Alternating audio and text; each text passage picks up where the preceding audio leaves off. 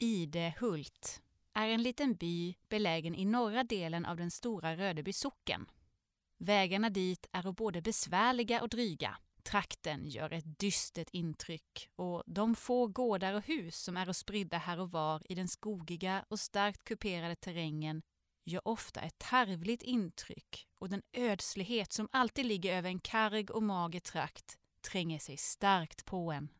Uppe i Idehult märktes det genast att något ovanligt var å färde. Människorna stod då i klungor utanför husen och det blodiga dramat hos lantbrukaren Gustavsson var naturligtvis det allmänna samtalsämnet.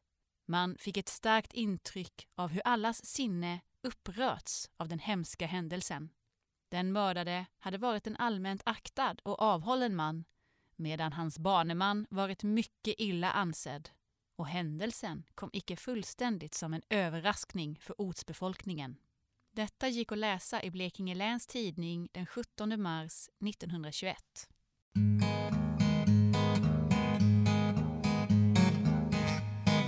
Na, na, na,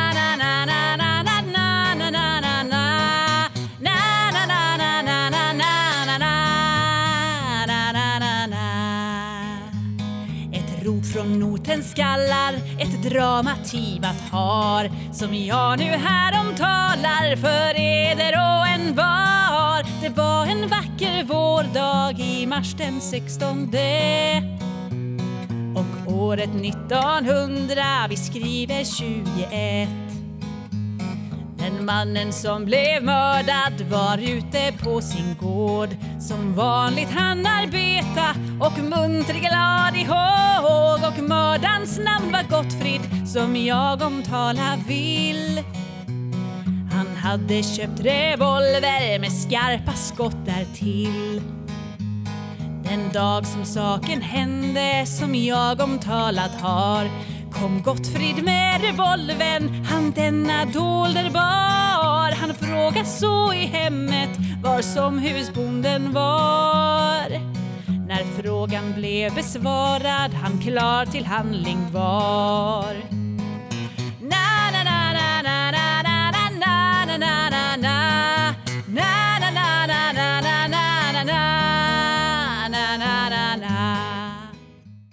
Välkommen till En visa om ett brott, en podcast om skillingtryck, det vill säga 17, 18 och det tidiga 1900-talets true crime. I varje avsnitt får ni höra en visa om ett brott som hände för länge sedan, samt den sanna historien om brottet. För att ge dig en fingervisning om huruvida du kommer uppskatta den här podden eller inte, så citerar vi boktryckaren Andreas Sylvenius år 1802 dessa visor är icke skrivna för läsare av en bildad smak eller av en fin moralisk känsla, utan för den råaste och lägsta folkhopen. Lantbrukare Sven Peter Gustavsson föddes i Strömsberg i Rödeby socken i östra Blekinge år 1875.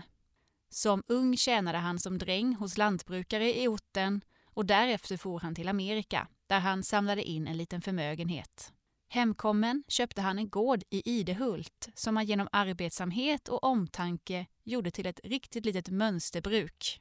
Gustavsson beskrivs som en aktad man, vänsäll och redlig med en stor vänkrets. I juli år 1908 gifte sig Sven Peter med sin Ida Matilda och i oktober samma år fick de sitt första och enda barn, Ester. Men med Ida Matilda kom även hennes yngre bror in i Sven Peters liv. Broderns namn var Ernst Gottfrid Gustavsson. Gottfrid, som han sedermera kallades, föddes 1884 i Kroksmåla i Rödeby församling. Han vistades i föräldrahemmet till sitt sjuttonde år, då han kom i tjänst hos en lantbrukare. Gottfrid hade därefter anställning på ett flertal järnvägsbyggen och andra arbeten i olika delar av landet, tills han 1903 första gången reste till Amerika, där han stannade i fem års tid varefter han återvände till Sverige. Redan första gången när han kom från Amerika märkte hans mor att han hade förändrats. Han hade blivit konstig. Under följande år arbetade Gottfrid bland annat hos agronom Nobling i Karlskrona. År 1911 eller 1912 reste han åter till Amerika. Vi citerar ur Blekinge Läns Tidning. Denna sista Amerikavistelse blev hans livs olycka. Han ådrog sig nämligen, troligen till följd av solsting, en hjärnåkomma och blev hemskickad till Sverige.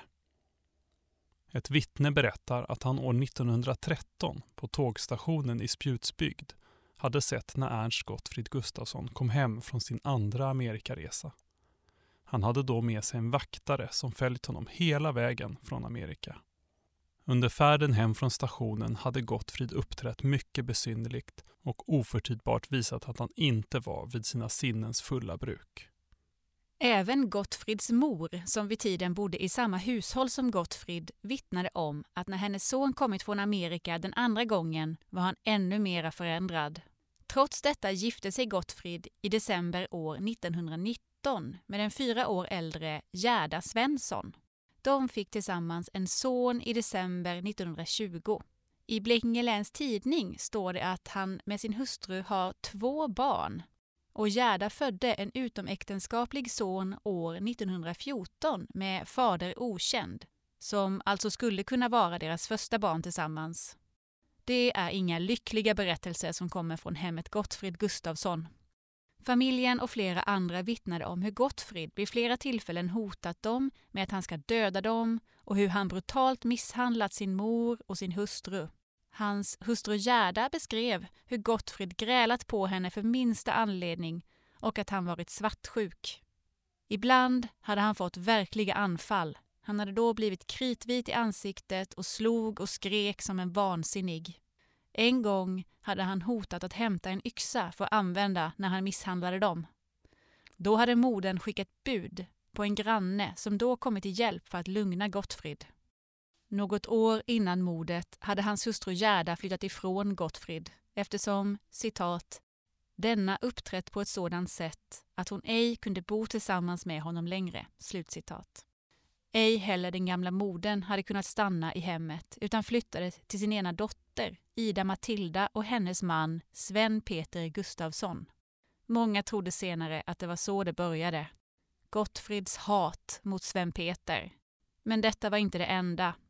Det fanns även flera händelser som fick hatet att fortsätta växa. Vid ett tillfälle var Gottfrid berusad och nära på att åka i slagsmål. Sven Petter var närvarande vid tillfället och sökte avstyra bråket, varvid han fick tag i Gottfrid som då fick sin kavaj sönderriven. En piga i Sven Petters hushåll vittnade om hur fiendeskapen från Gottfrid tydligt cementerades från denna stund. Gottfrids mor berättade hur Gottfrid yttrat att han skulle mörda Sven Petter därför att denne rivit sönder hans kavaj. Efter denna händelse växte hatet allt mera och blev slutligen en fix idé hos Gottfrid. Sedermera övergick hatet till paranoia. Gottfrid trodde nu att Sven Petter var ute efter att döda honom. Han började prata med ortens befolkning om hur han ville döda Sven Petter eftersom denne annars skulle döda honom. Men eftersom de visste att han var sinnesrubbad fäste de ej så stor vikt vid orden. Gottfrids sinnessjukdom hade även vid en läkarundersökning blivit tydligt konstaterad. Man ansåg sig dock icke ha anledning att internera honom. Den rådande platsbristen på hospitalen kan också ha påverkat beslutet. Sven Petter själv tog väl knappast hoten på fullt allvar i början, men då hotet uttalades i allt mera oförtäckta ordalag började han bli orolig. Till en av sina vänner hade han en gång yttrat ”Jag undrar vart detta ska sluta”. Det sista året hade Gottfrid sällan haft någon stadigvarande sysselsättning utan ofta anlitat grannarnas hjälp. Hans tal och uppträdande i övrigt gjorde det tydligt att han var mentalt sjuk. Folket i bygden gjorde för vana att gå ur vägen när den inbundne mannen med de stickande ögonen kom och gick. Och det var runt den här tiden som Gottfrid köpte en revolver samt hundra skarpa skott. Och då detta kom ut i trakten började man hysa allvarliga farhågor för att han skulle göra något ont. En före detta granne, Otto Karlsson, var en av dem som blivit hotad av Gottfrid. Otto beskrev senare hur han hört Gottfrid skjuta om nätterna omkring sin bostad. Ottos ägor gränsade till Gottfrids ägor och då Gottfrid hade velat köpa en bit av Ottos mark hade Otto inte gått med på detta. Gottfrid hade då blivit så arg att han hotade Otto till livet. Och då Otto hade fruktat för sitt liv valde han att sälja sin gård och flytta därifrån. Några dagar innan mordet berättas det att Gottfrid varit hos en granne och slipat en kniv. Han hade då förklarat att han skulle använda den slipade kniven för att mörda sin svåger Sven Peter.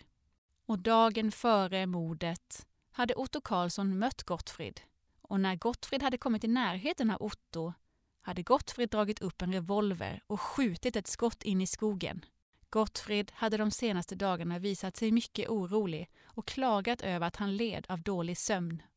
På förmiddagen den 16 mars gick Gottfrid mot gården där Sven Petter bodde med sin familj. Blekinge Läns Tidning rapporterade från rättegången i april 1921. Sven Karlsson hade sammanträffat med Ernst Gottfrid då denne begav sig till Sven Petter för att utföra den hemska gärningen.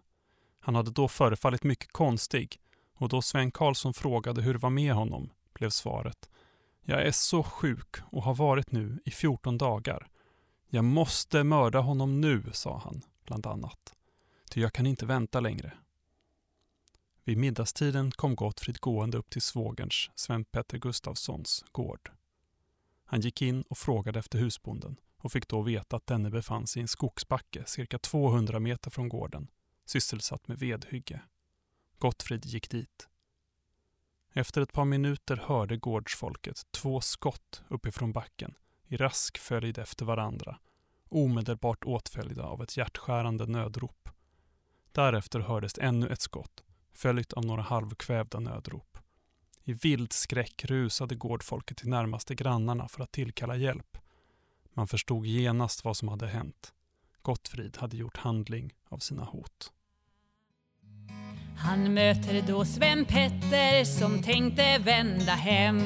Men vägen blev förkortad av Gottfrids svågen sin. Då gör de hemska skotten, de fyra som han sköt. Med tvenneskott han träffar ur såren blodet flöt de hemska nödropsorden som människor aktar på. Det hördes vilt på orten, låt mig nu hemåt gå. Men Sven Petter kunde sen inte säga något mer. Till mördaren drar fram kniven och sticker honom ner. När mördaren sedan finner att han ej livlös är så hittar han på marken en sten som dödlig är. Med denna slog han honom i huvudet med fröjd.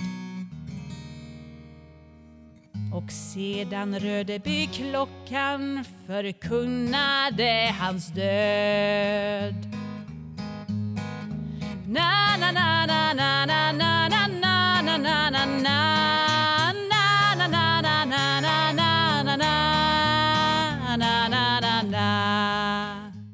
Vi läser ur Blekinge Läns Tidning den 17 mars 1921. Mördaren har fullbordat sitt hemska verk. Men när han ser blodet fossa ur såren på sitt offer blir han vild.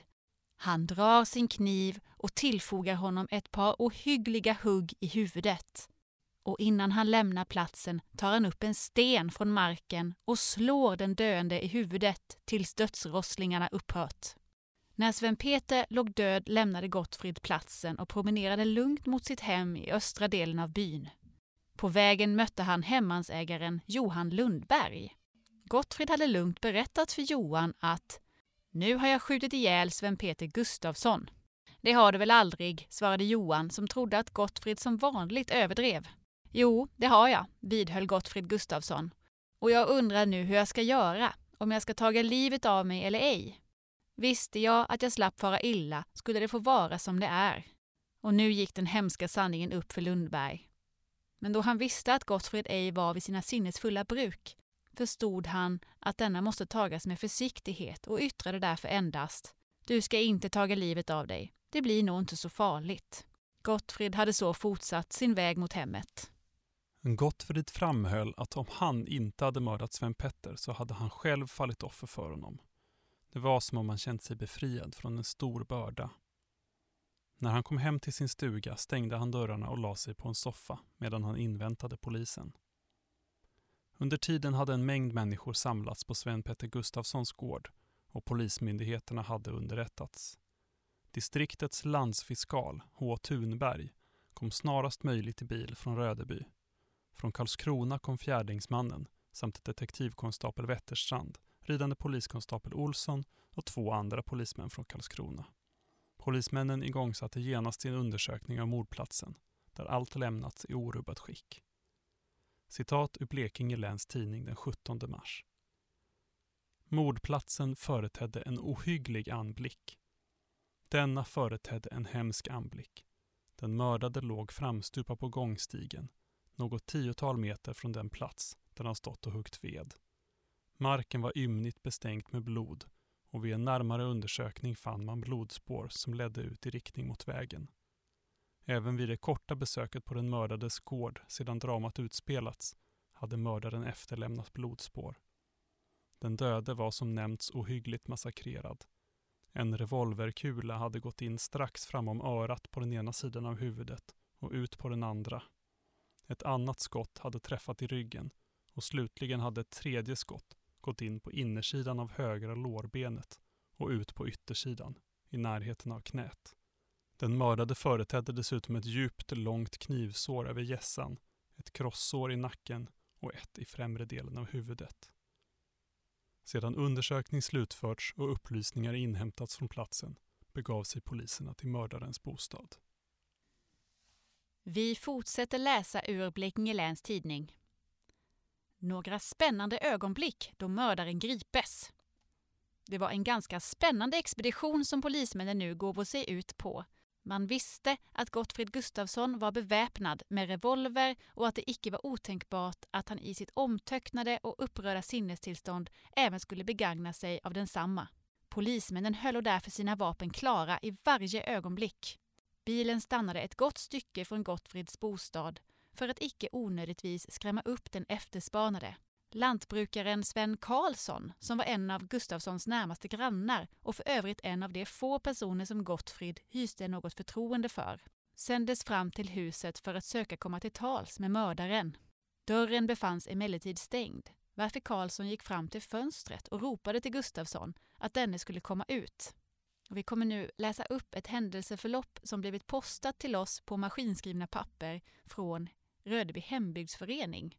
Det finns dock inga uppgifter om vidare källor. Citat. Grannen gick fram och knackade på dörren. Vem är det? Det är bara jag, din granne. Jaså? Och efter en paus. Vad vill du då? Jo, jag tänkte bara gå upp och höra hur du har det i din bedrövelse. Är det sant att Sven Peter är död? Ja, nog är det det alltid. Jag måste skjuta honom, annars hade han tagit död på mig. Vem är det du har med dig? Ja, ah, det är bara August, men han vill inte gå fram. Alltså. Säg, hur många skott sköt du?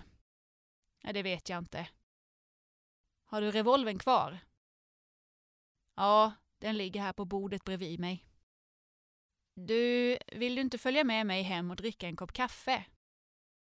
Jo, det kan jag väl göra. Men vem är det som är med dig? Jag hör någon röra sig där ute. Nej, det är bara Jonne. Alltså.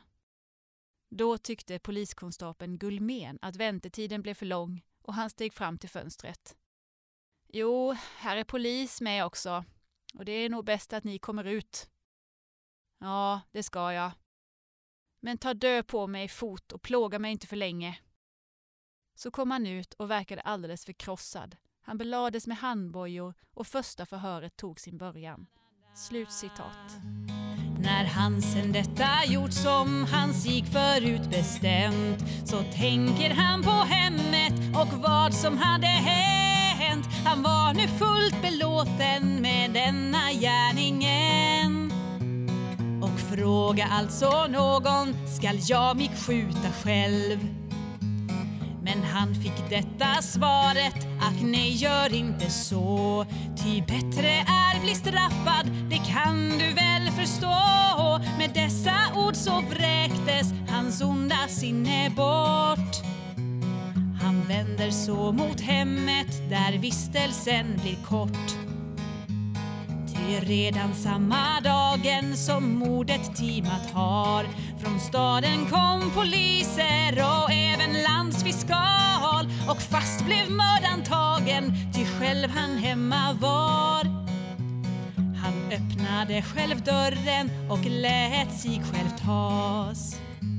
Sen kläddes han i bojor som honom binda fick mellan två poliser till staden färden gick Där blev han så inburad ut i sitt framtidshem Där blev han slutransakad och där fick han sin dom Han erkände genast, men visade ingen ånger. Han beskrevs snarare som nöjd och belåten. Det tycktes som om den hemska gärningen verkat befriande på honom. I bostaden fann man strax mordvapnet. En kraftig revolver av Browning-typ samt en del ammunition. Gottfrid hade fortfarande blodet kvar på sina händer. Efter ett uppehåll på den mördades gård förde poliserna Gottfrid i handbojor till Karlskrona där han införpassades till strafffängelse. En tid senare, när målet uppropades, var intresset stort. Tingssalen var fylld med nyfikna människor. Bland de närvarande var Gottfrids mor, Ingrid Pettersson, samt hans hustru Gerda Gustafsson. Särskilt modern var under rannsakningens gång djupt rörd och hade svårt att hålla sig uppe. Den häktade föreföll synnerligen lite berörd av vad som förekom.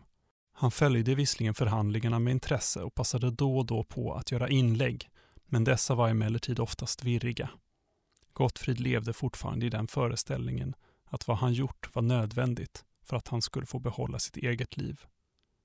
När Gottfrids mor, Ingrid Pettersson, hördes var hon alldeles uppriven av sorg. Efter överläggning resolverade rätten att målet skulle förklaras vilande tills fängelseläkarens och medicinalstyrelsens prövning slutförts. Ernst Gottfrid Gustafsson skulle kvarstanna i häktet. Sölvesborgstidningen torsdagen den 14 juli. Idehultsmördaren strafffri. Östra häradsrätt har nu meddelat utslag i målet mot den för morddramat i Idehult, Rödeby socken, häktade Gustafsson. Som bekant hade Medicinalstyrelsen i sitt utlåtande förklarat Gustafsson var i saknad av förståndets bruk vid dådets utförande och förordat om hans intagande på hospital. I enlighet därmed har häradsrätten förklarat Gustafsson strafflös och överlämnade honom till vederbörande myndigheter. Att om honom ta vård så att han ej må bliva vårdlig för den allmänna säkerheten. Vad som därefter hände med Gottfrid är oklart. I Rödeby församlingsbok finns Gottfrid inskriven i registret för sinnessjuka. Det står där att han vårdades på Västerviks hospital. Ernst Gottfrid Gustafsson dog bara sex år efter mordet. Den 13 augusti 1927 i Västervik. I dödsboken står dödsorsak insania. Och domen blev för Gottfrid, alltså på hospital. Som Gottfrid själv bevisat så var han ej normal. Och nu så har jag kommit till visans sista ord. Mitt namn det får ej nämnas, ej heller bliva spår.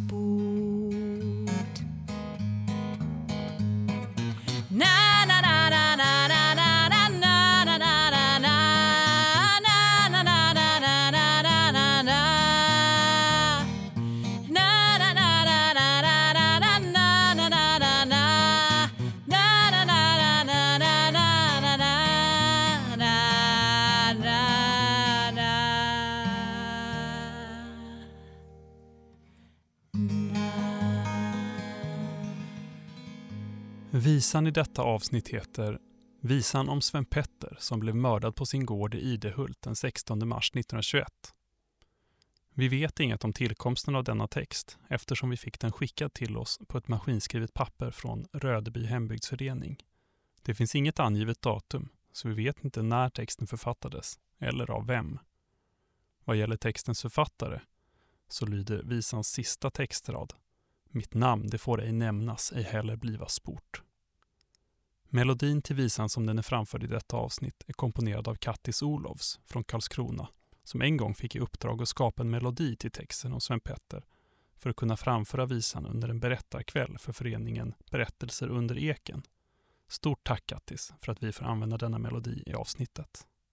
Vi vill också tacka Anna Kronmar som inte bara släpat ett dragspel på såväl flygplan, bussar och tåg över halva Sverige för att stödja podden, utan också är vår mest trogna testlyssnare.